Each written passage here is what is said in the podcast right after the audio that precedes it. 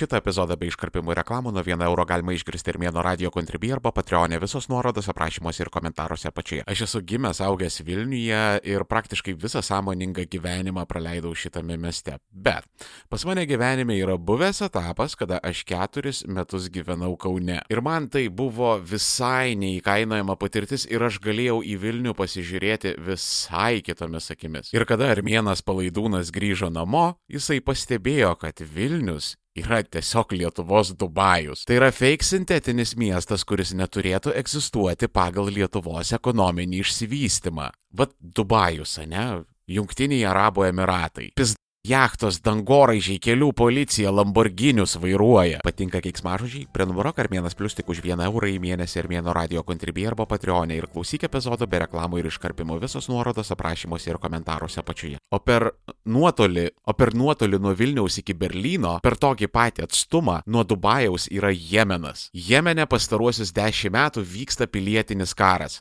Brutalus, žiaurus pilietinis karas, kur buča nutinka kartą į valandą. Ir aš nenoriu menkinti Ukrainos karo. Atrosičiai yra atrosičiai, nėra didesnių atrosičių, nėra mažesnių atrosičių. Nėra to tokio Stalino cinizmo, kur vat vienas žmogus tai jau vat matai tragediją, milijonas žmonių tai čia vat statistika. Neegzistuoja tokie dalykai. Karo nusikaltimai yra karo nusikaltimai. Aš tai sakau tam, kad like scenė promautinčiau awarenessą, kaip pasakytų tas PMI žmonės. Tam, kad nebūtumėm tie, kurie ignoruoja karo nusikaltimus prieš nebaltus žmonės dėl patys žinome kokių priežasčių. Bet ir šiaip, vidurinieji rytai yra tiesiog, vad kaip yra failed state, taip čia yra failed region. Ten aplink Persijos įlanką yra tokie stabilumo taškai, tai va tie patys Junktiniai Arabų Emiratai, Kataras, Bahreinas, Kuveitas, Saudo Arabija, Omanas, kur gyvenimas pasiturintis, stabilus, saugus, o ten aplinkui teroristai, islamo valstybė, ten moteris baltaodės reipina. Ne baltaodės irgi, ne moteris irgi reipina. Net tvarto gyvuliai nėra saugus nuo islamo valstybės. ISIS beheading videos moterų stauninimai. Bl visiškas bespridėlas. Meantime, Dubajui rusų milijardieriai šliurpia austrės ir apsvaigintiems nepilnamečiams eunuchams verkia į krūtinę, kaip juos skaudžiai pakirto sankcijos. Ir čia čystai yra Vilnius. Aš tai labai gerai pastebėjau, kad niekas taip negyvena Lietuvoje kaip Vilniuje. Kada prieš porą metų, tuo metu aš dar gyvenau Kaune, bet prieš porą metų atvažiavau į draugų vestuves. Ceremonija buvo senamestį, aš atvažiavau anksčiau ir, nu, nutariau kažkur prisėsti. Radau vietą prie rotušės, geriu kavą ir stebiu mašinas. Porsche Cayennas, Porsche Cayennas, Porsche Cayennas, Maserati, Bentley, Porsche Cayennas, Porsche Cayennas, Panamera, Porsche Cayennas. Pis, taip nebuvo, kada aš čia gyvenau. Galiu jums prisiekti, kad nebuvo taip, kad aš 2018 metais kraušiausi į Kauną. Tai buvo gerų ir prabangių mašinų, bet, nu, ne tokia koncentracija. Dabar jeigu tu į Vilniaus centrą atvažiuoji su mašina pigesnė negu 70 štukų, tu kaip benamis ten jautiesi. Buvo gerų mašinų ir Porsche, ir Roverių, ir Ferrari vieną kitą pamatydavai. Bet aš vieną kartą, ah, kada Gedo prospekte pamačiau Rolls Royce kulina, na, na, na, na, na, na.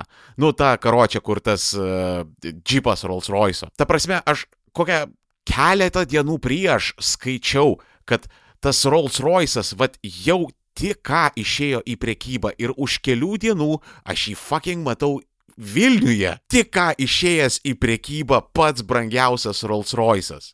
Čia ne Škoda Oktavija, čia ne Siat Ibiza, kurias lipdo kaip karštas bandeles. Tai yra rankų darbo, ekskluzyvinė, labai mažomis serijomis gaminama mašina. Tam, kad tu būtum pirmasis ją nusipirkęs, tu turi daryti didžiulį preorderį. Reiškia, tau reikia permokėti automobilį gerokai daugiau už rinkos kainą, ant kiek tu nori. Kad ta mašina taip greitai atsidurtų Vilniuje, jinai galėjo ramiai pusę mylo kainuoti, mažiausiai pusę mylo kokius 650 ką, kaip nėra kas veikt. Vilniui, kur kas bet yra Vilnius, čia mes kažkokias mikroschemas gaminam, čia mes Monakas, aš atsiprašau, čia ble yra vakarų pasaulio rietavas kažkoks. Rietavė Rolls Royce'ais niekas nevažinėja. Ir čia žinokit, šitas dalykas nutiko neseniai prieš paskutinius 4-5 metus. Dėl to, kad aš važiuodavau epizodiškai į Vilnių. Čia tėvus lankydavau senam Armėno radijui, intervus įrašinėdavau. Ne visa Armėno kūryba yra internete. Prenumeruok Armėnos Ultra Armėno radio kontribį arba Patreonė ir gauk prieimą prie Armėno slėptuvės, kur guli visi klasikiniai Armėno radio epizodai. Visos nuorodos aprašymuose ir komentaruose apačioje. Ir pavyzdžiui, kada jūs matote žmogų pastoviai, tai jūs nelabai pastebite, ar jisai ten storėja, ar jisai lieknėja,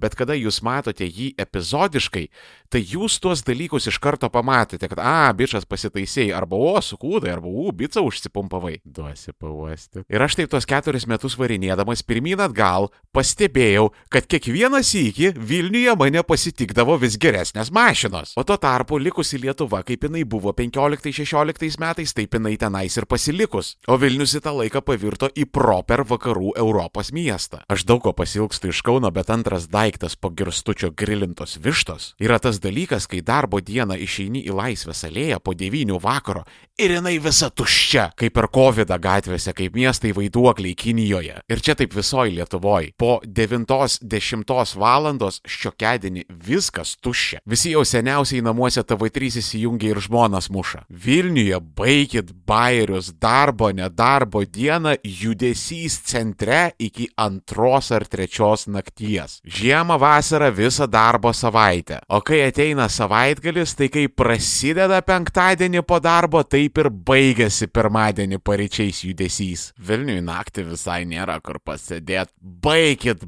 bairius. Jūs baltarankiai varo dievą į medį, jūs turit gerus 5-6 taškus centre, kur jūs vos ne keurą parą galite sėdėti, valgyti ir tūsint. Regionuose taip nėra, net Kaunė ir Klaipėdoje daug kas galutinai užsidaro jau kokią 11, max 12. Tu užsimany naktipečių, tai tau voltas net Magdo netveš, nes visų pirma nėra volto, visų antra nėra Magdo. Jūsų draugeliais eisit per laukus į kokią nors degalinę ir ne į kokį tai ten statoilą, suprantat, kur man kruasaną prašom su daigintais kviečiais, o kokią nors česlodą kur ant čekio parašyta individuali Čia Sakalausko prekybinė komercinė firma Česloda ir jums pro langelį parduos tą lenkišką burgerį kuris yra iš oro ir mechaniškai atskirtos mėsos. Tokios, kur, nu, tu, tu valgai ir tu jauti, kad tu tokia žoskai keista struktūra, kad tu supranti, kad čia, čia čystai yra tiesiog kaulai sumalti, čia yra sumalti kaulai su vandeniu. O ta bandelė mikrobangiai, jinai tokia išsipučia didžiulė ir tada subliūkšta ir į nieką. Ir tu supranti, kad nebuvo tos bandelės, jinai neturi minkštimo, jinai tiesiog pluta yra tokia. Ir tas lenkiškas burgeris, jisai visada sveria gerokai mažiau negu pakuotė, kai tu jį išsilūkšteni. Ir tu jį valgai, nes kitaip nėra ir jums ant penkių snukių yra 10 eurų pasimaitint. Būna susitinku Vilniaus hipsterį, kuris maždaug čia visiškai nėra falafelių pasirinkimo. Aš kada ėjau savo politikos mokslų stažuotę Izraelyje, tai aš tik tada supratau, kas yra tikras falafelis, kas yra tikras humusas. Ką mes čia valgom, čia žinokit, yra brangus ir perkainuotas šūdas, čia žmonės net nesupranta, jie net negerbė to viso falafelio. Tai yra tiesiog pasityčiojimas iš mūsų visų. Jie mano, kad mes esam kvailiai, jie mano, kad mes pasaulio nematę ir nežinom, kas yra normalus falafelis. Bet esam priversti kesti šitą siaubingą, žmogžudišką terorą. Ir tu taip sėdi ir galvoji, aš tave kaip papurtyčiau, aš bai tave kaip papurtyčiau. Tu rodas net neįsivaizduoji, kaip žmonės šalčininkose gyvena. O čia 50 km nuo Vilniaus, vad nuvažiuok, pasižiūrėk, kokios ten mokyklos, darželiai, infrastruktūra, pasidomėk, kiek žmonės uždirba, patikrink falafelių kokybę šalčininkuose. Ir aš nenoriu čia pulti runkel bešinti, kad visa Lietuvos periferija, viskas išskyrus Vilnių, čia yra kažkokia Alabama, Mississippi, kur bandžom groja ir sodina ant butelio homoseksualus ir tuos, kas žino daugybos lentelę mintinai. Ne, yra absoliučiai visaip, bet kada tu pasižiūri į materialinę gerovę Vilniuje, jinai yra kur kas aukštesnė palyginus su visa likusia Lietuva. Ir šita atskirtis per pastaruosius ketverius penkerius metus tik tai sustiprėjo, labai mažai regionų augo, o jeigu augo lietai, o Vilnius augo tokiais tempais, tarsi jisai sėdėtų ant anabolikų. Dėl to, kad tas augimas, kuris priklausytų regionams, jisai išvažiavo į Vilnių. Vilnius už tai siunčia savo pusę GPM atgal į periferiją, bet niekas nuo to nesikeičia. Dėl to, kad periferija yra užvaldyta tų klanų, apie kuriuos aš kalbėjau savo praeitame epizode.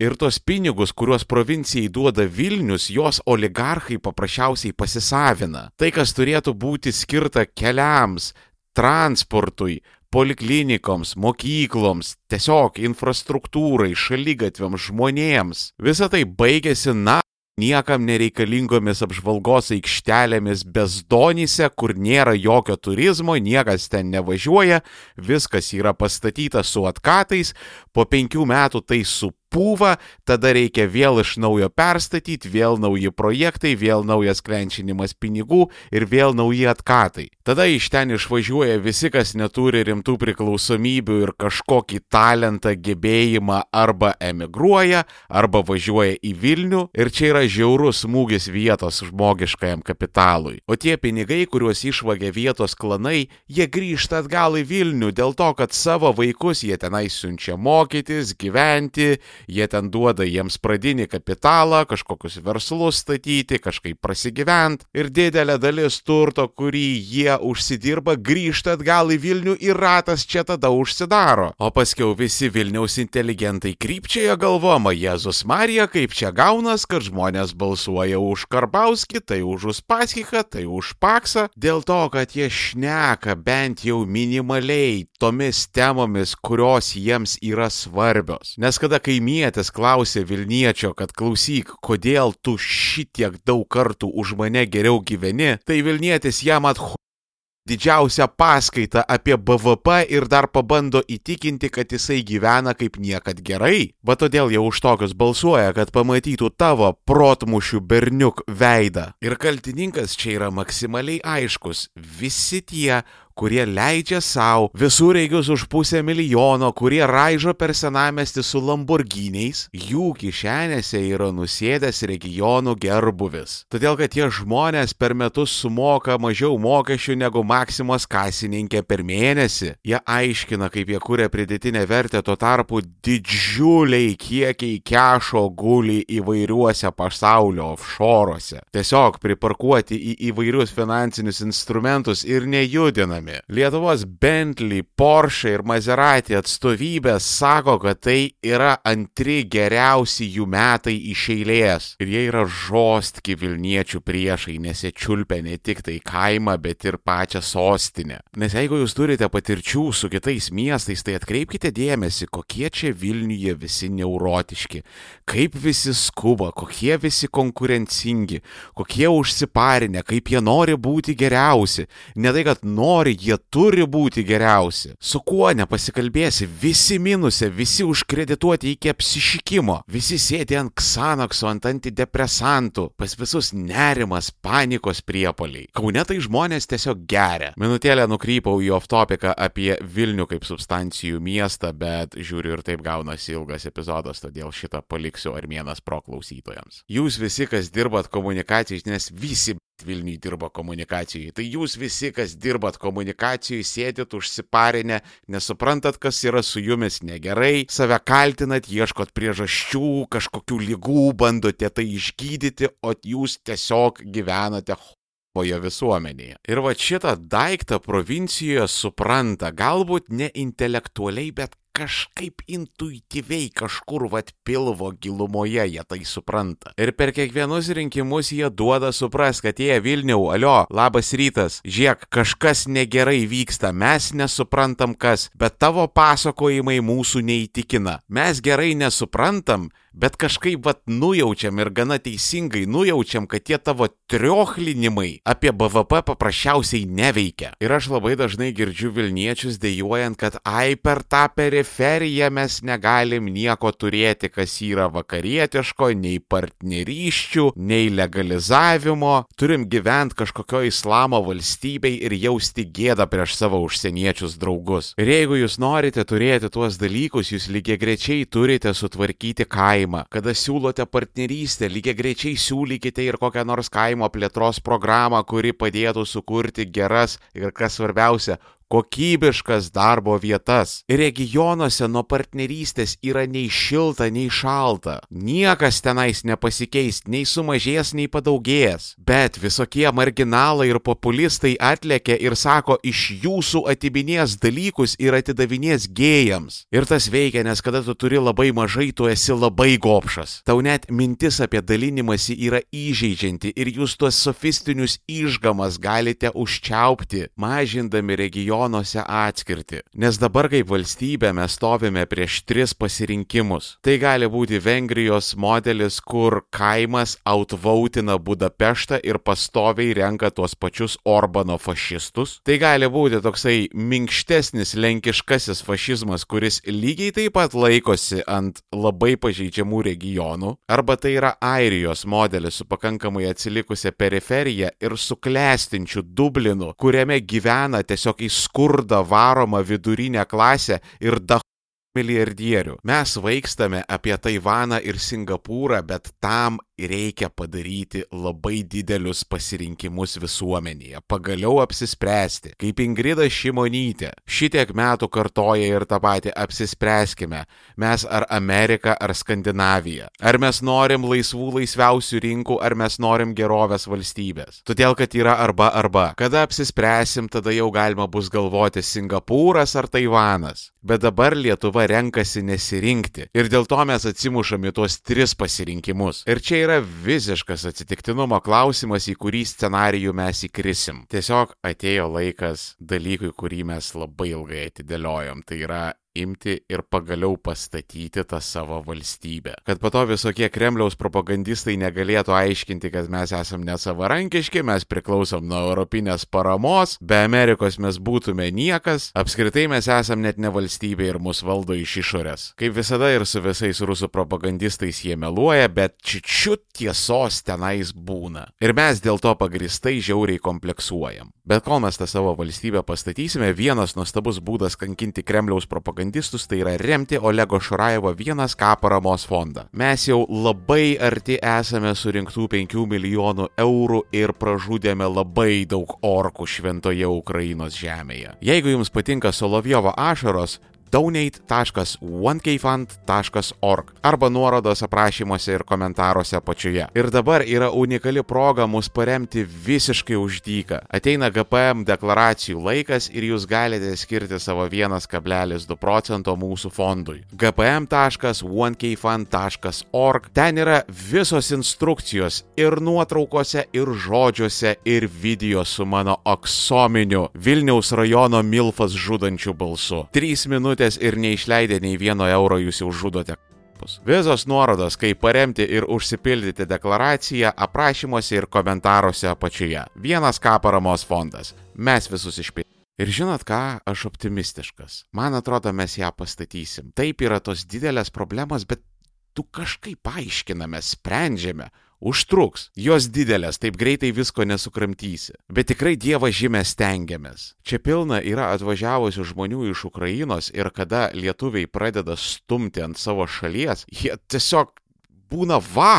Jie sako, Hebra, stabdykit arklius. Į Europą. Jūs esate europiečiai, jūs gyvenat vakarų pasaulyje. Ko, ka, kas jums negerai. Ok, atmeskim karą, bet žinokit, iki to mes tokiuose vafliuose gyvenam, kad jums net į galvas nesutelpa. Suprantat, mes, Baltiksai, trys respublikos iš penkiolikos likusių po Sovietų sąjungos, trys respublikos mes esam etaloninės ir pavydo objektas. Mes esam į tuos, į kuriuos žiūri kaip į pavyzdį. Dėl to, kad ten kokia Vokietija, Amerika, Prancūzija, Japonija, tai yra abstraktu, tai yra toli. To šaliai šalis galėjo laisvai vystyti šimtais metų. O va šitie, va, va šitie, va trys pirmūnai. Taigi jie tokie patys kaip mes. Mes išėjome iš to paties sovietinio gulago. Tie patys sovietiniai žmonės. Suprantat, mes, Baltiksai, esam įkvėpimas ir pavyzdys likusiai Sovietų sąjungai. Iš ten tas pavydas ir žiauri neapykanta. Nes jie suvokė, kad jeigu jie būtų išlaikę savo demokratinius institutus, kaip sugebėjome mes, nes dievaži, tikrai buvo vietų, kada mes galėjome nučiuošti į diktatūrą. Mes į NATO ir ES